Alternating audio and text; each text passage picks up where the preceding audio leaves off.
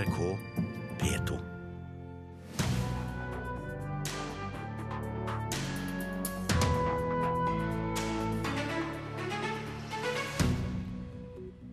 Fiskerne er ikke lenger bekymret for sikkerheten, men kritikken har ikke stilnet helt etter DAB-overgangen i Nordland. I dag forsvinner NRK fra FM-nettet i Midt-Norge.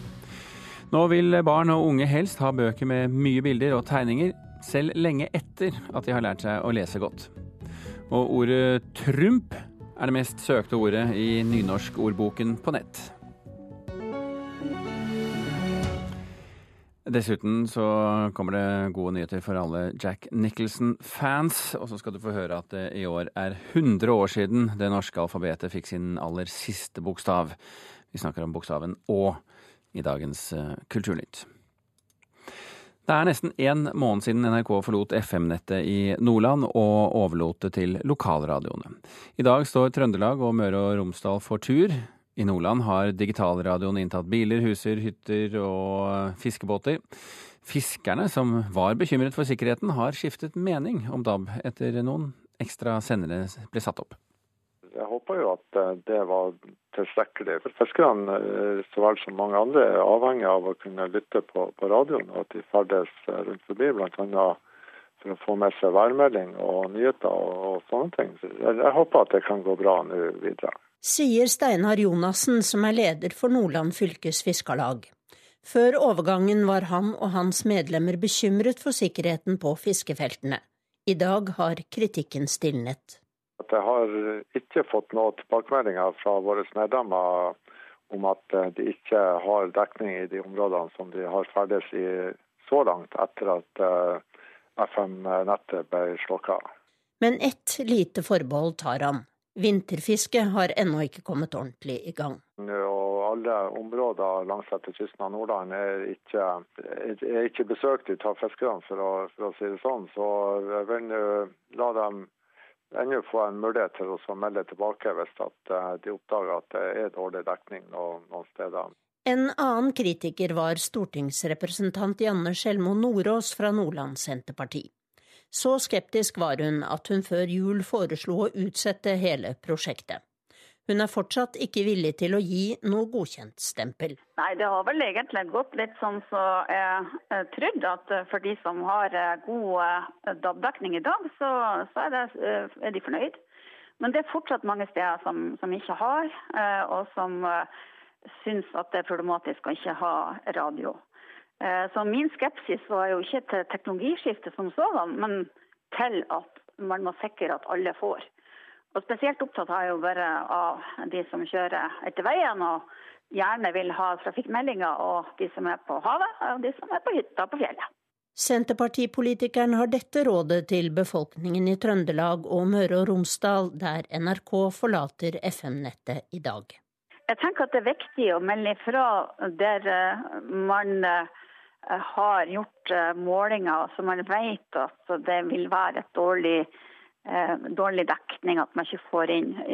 Gi tilbakemelding om det til NRK eller departementet. For de har jo sagt fra departementet og regjeringa at de skal følge det her opp og sikre at man får god dekning. Reporter her, det var Tone Staude. Med oss i studio i Ålesund for festslukkingen av FM i dag, skal vi kalle det det, avdelingsdirektør Øyvind Vassåsen. Velkommen til Kulturnytt. Takk. I dag så forlater altså NRK FM-nettet i Trøndelag og Møre og Romsdal, og blir kun da mulig å høre på DAB. Hva har dere lært av prosessen i Nordland den siste måneden?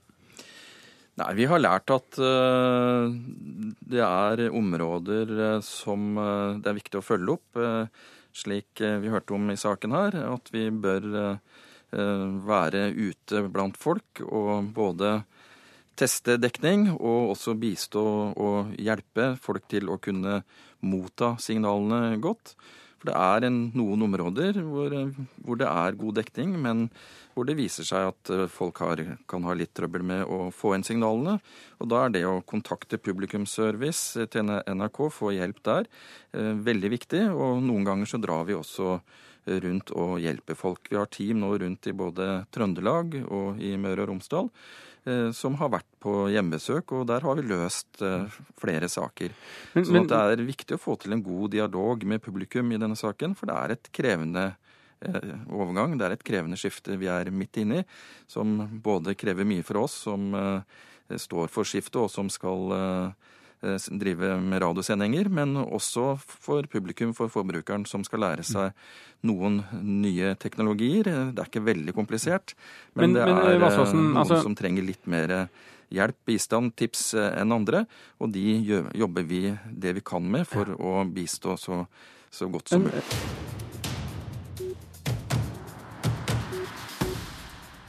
Kollega Stine Tråholt, hva har avisene vært opptatt i dag, Stine? Papiravisene er opptatt av Melodi Grand Prix. Ja.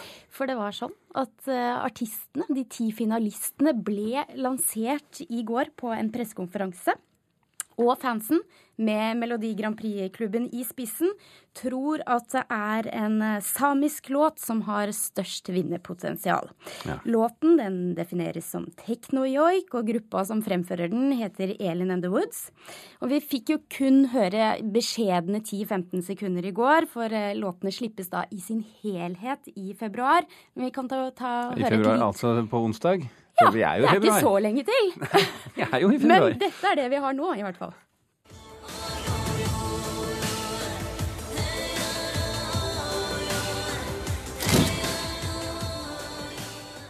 Hva syns man om de ti finalistene? Nå, lite som man nå engang har hørt?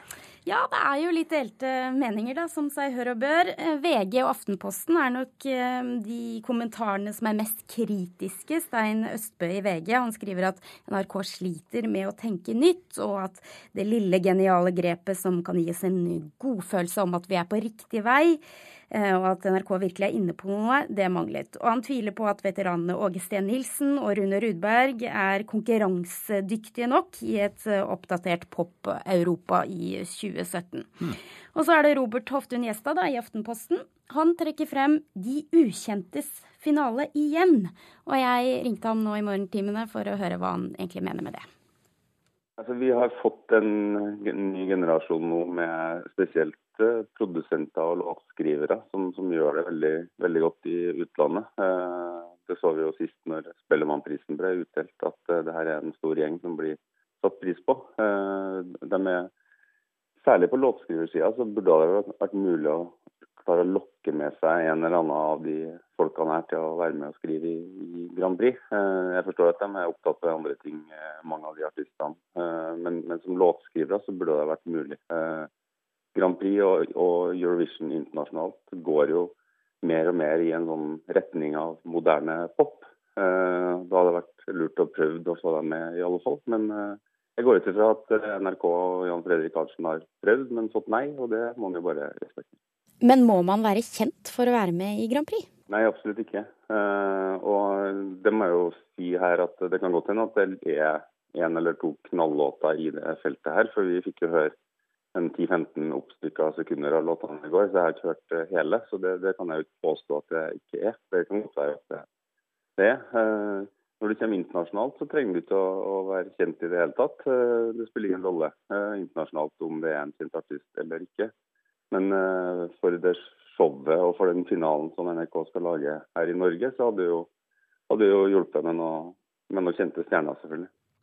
Ja, Det sa altså Robert Hoftun Gjestad i Aftenposten. Og som dere hørte i stad, så var vi midt i en fin dialog med vår kollega Øyvind Vassåsen om eh, slukkingen, eller eh, dette faktum at eh, NRK forsvinner fra FM-nettet i Trøndelag og Møre og Romsdal i dag. Men vi opp oppnådde noen fine tekniske problemer som uh, umuliggjorde samtalen videre. Vi har ikke helt gitt opp å få tak i han uh, ennå, men vi, vi, løper videre i programmet mens teknikeren jobber med saken, og så får vi ta det som det kommer. Det er nemlig slik at også store barn som for lengst har lært seg å lese, lese, bøker, velger likevel bøker med mye bilder og tegninger fremfor rene tekstbøker. Det visuelle blir stadig viktigere, og det kan øke leselysten, tror fagfolk. Foreløpig så dominerer oversatte tegneseriebøker, men det finnes også norske utfordrere. Har dere alltid hatt lyst til å bli forfatter eller illustratør? Jeg har alltid hatt lyst til å bli illustratør. Det er bokbad i biblioteket på Oltedal skole i Gjesdal. Jeg kan ikke tegne, jeg er kjempedårlig. Tre femteklassinger intervjuer forfatter Marius Horn Molaug og illustratør Kristoffer Kjølberg, som har gitt ut fire tegneserieaktige bøker for barn. Og Vetle Lian på ti har sansen. De er kjekke og kule og morsomme. Og så, og så er det så liksom Tegningene passer så godt inn. Er det viktig med tegningene, syns du? Ja, for å, det er akkurat så du opplever mer, for å si det sånn sier femteklassing Martin Vatland. Og det er nettopp morsomme, tegneserieaktige bøker som er aller mest populært blant norske barn nå. Det går jo an å ha bare tekst, men det blir ikke, det blir ikke like løye, fordi at tegninger kan være ganske viktig.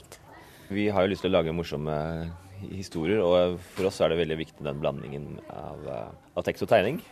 Horn Molaug, som har mange år bak seg som serietegner og Donald-redaktør, har på kort tid gitt ut fire bøker om Ruben og Kent, og tatt opp kampen mot den utenlandske dominansen i sjangeren tegneseriebok. Det blir morsommere ofte da, når du får tegninger også. og at du føler at boken blir rikere. Og særlig overfor barn og sånn, så tror jeg det er viktig for å skape leseglede og nysgjerrighet inn inn i bøkenes verden. Molaug og Kjølbergs verdens verste bøker kan minne om den amerikanske serien En pingles dagbok, som utgjør hele ti av de 25 mest utlånte bøkene på norske bibliotek det siste halvåret.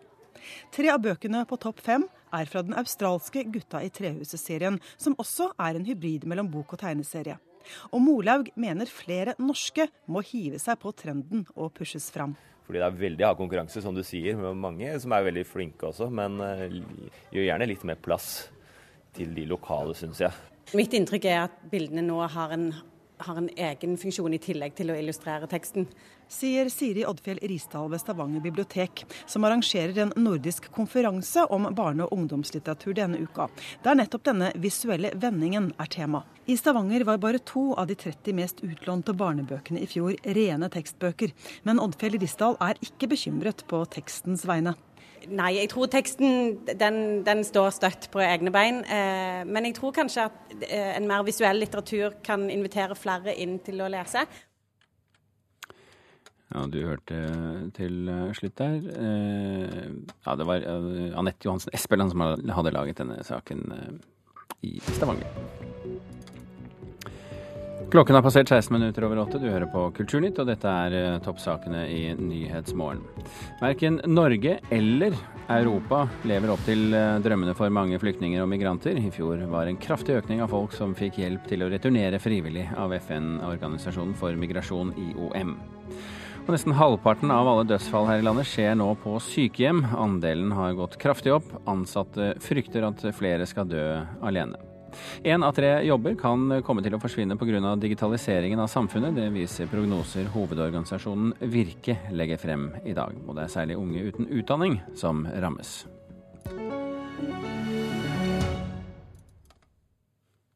You want answers? I think I'm entitled. You want answers? I want the truth! You can't handle the truth! Ja, dette er jo for de aller fleste en uh, kjent uh, stemme. Eh, og etter ti år som pensjonist så skal Jack Nicholson nå ifølge det amerikanske bransjebladet Variety være begeistret, så begeistret for den tyske filmen Tony Erdmann at han ønsker å spille rollen i en amerikansk nyinnspilling. Tony Erdmann er nominert til Oscar for beste fremmedspråklige film og er av flere kritikere bl.a. Eh, vår her i Kulturnytt kåret til den aller beste filmen i 2016. Og Terje Eidsvåg, eh, filmkritiker i Adresseavisen, eh, velkommen til Kulturnytt. Takk for det. Kan Tony Eidman bli like bra med Jack Nicholson i tittelrollen? Den kan bli veldig morsom, den kan bli en stor suksess. Neppe like bra, men den kan bli bra nok. Men hvordan er han egentlig som en komisk, tragisk figur?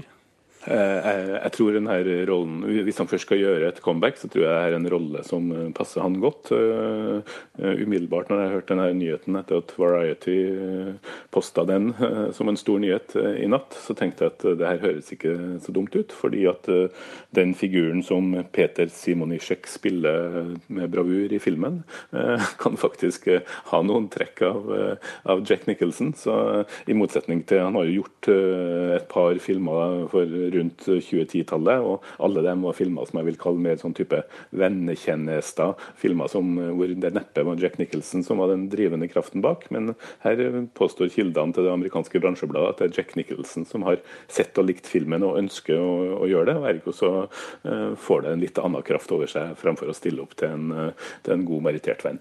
Men de som ikke har sett denne filmen eller hørt nevneverdig mye om den, hva slags film er Tony Eidmann?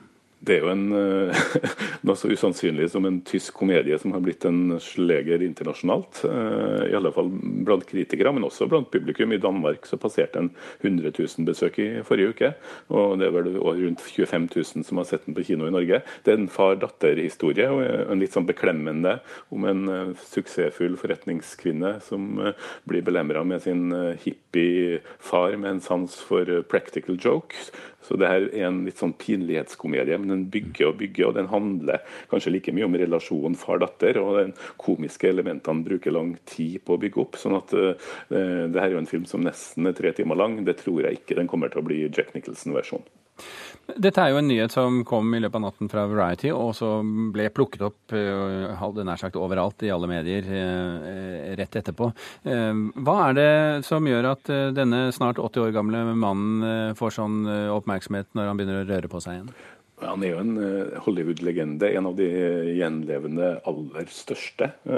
Man ser det jo sist når man ser når han er i Oscar-publikummet, så går det et sus gjennom salen. og Jeg tror også at en av grunnene til at han tente på den filmen, her, er jo at det, det er en rolle som faktisk har flere fellestrekk med den siste gangen han ble nominert til Oscar, nemlig i Alexander Paynes 'About Schmidt', som kom for 15 år siden. og Det, det er lett å se linja fra den filmen til et Tony Eidmann-prosjekt med, med Nicholson. Så de, han har jo i de fleste filmene etter 80-tallet så har han jo på en måte spilt seg selv. Han har spilt ut legenden. Og så har det vært om å gjøre å finne de rette rollene hvor det her har gitt uh, den pondusen som han virkelig har på lerretet. Og det har jo resultert i en rekke nye Oscar-nominasjoner og, og, flotte filmer også etter hans storhetsperiode, som man vel må kunne si var på 70-tallet og frem til kanskje 'Shining', mm. 'Ondskapens hotell'. Terje Eidsvåg, takk for at du orienterte for oss. Vi får bare si som, som Paramount sier i, den, i det spørsmålet om blir det noe av eller ikke. De sier ingen kommentar.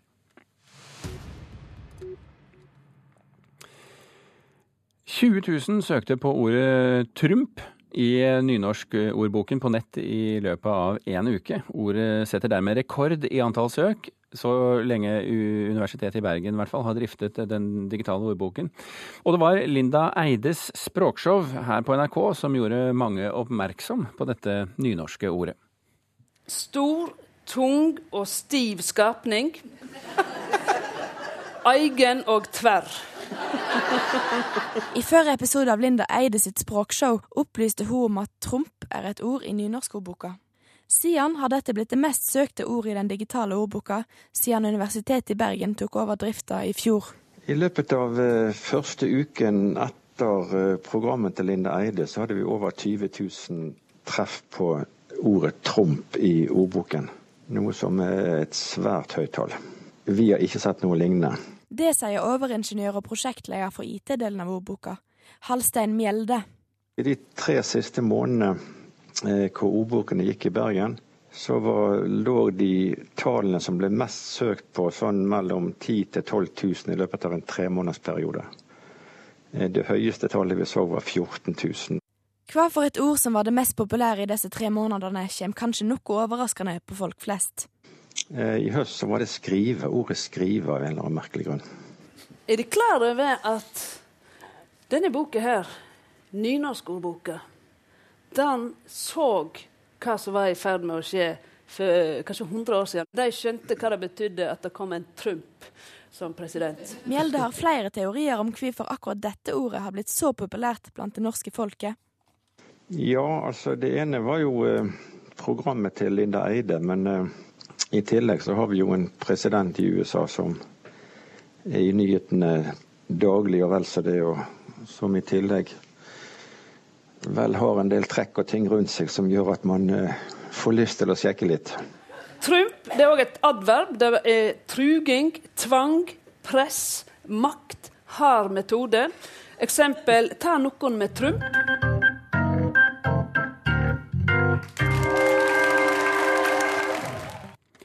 Ja, og det var uh, vår reporter uh, Siri Flatlandsmo som hadde laget denne saken.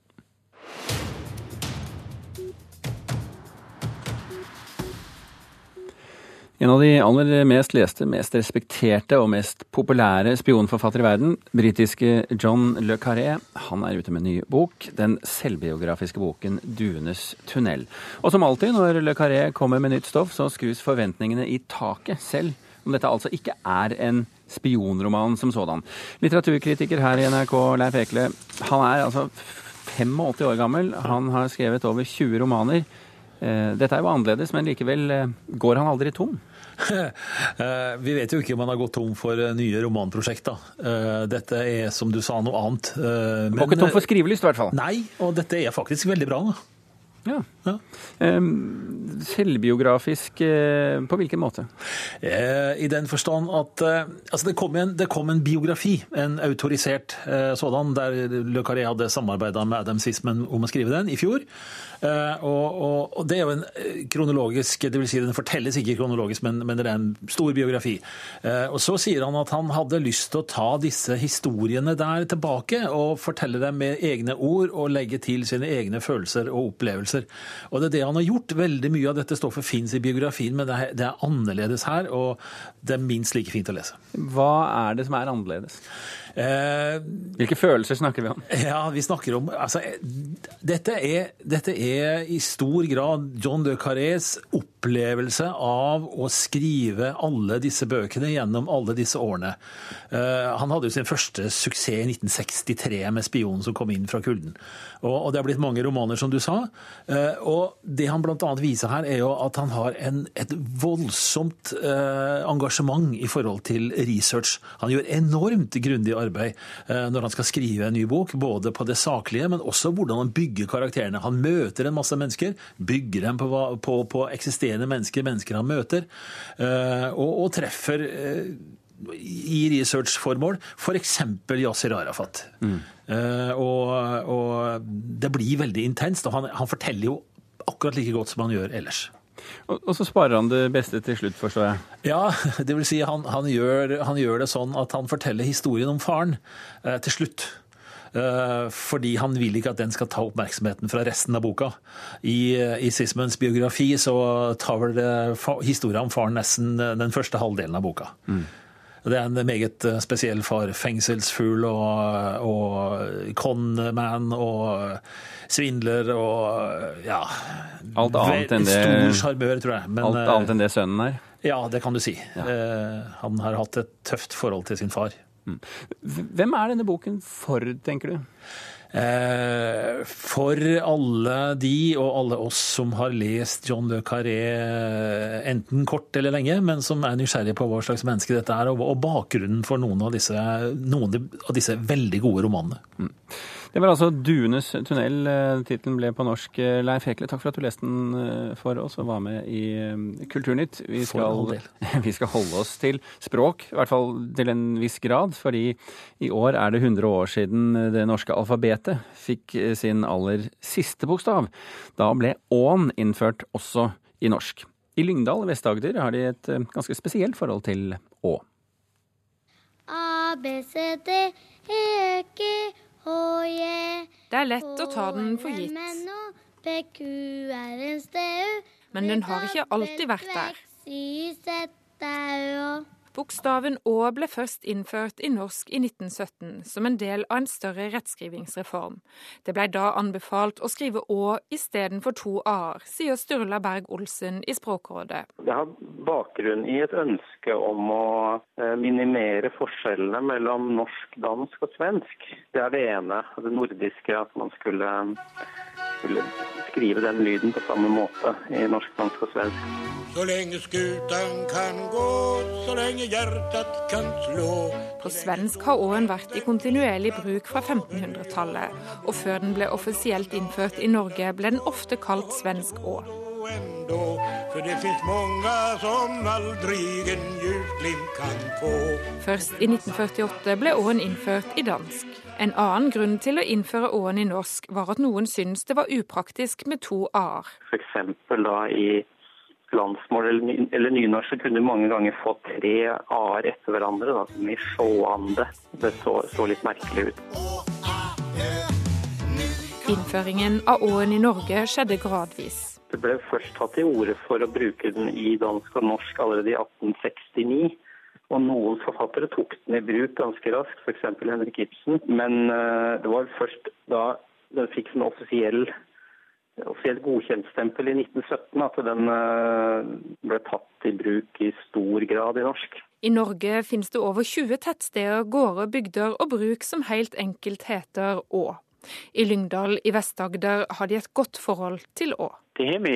Å er et eh, betegnelse for et sted eh, oppe langs E39 på Rom i Lyngdal. Sier ordfører Jan Christensen. Og Der har vi sånn sett Å knytta opp til dette med Å skole.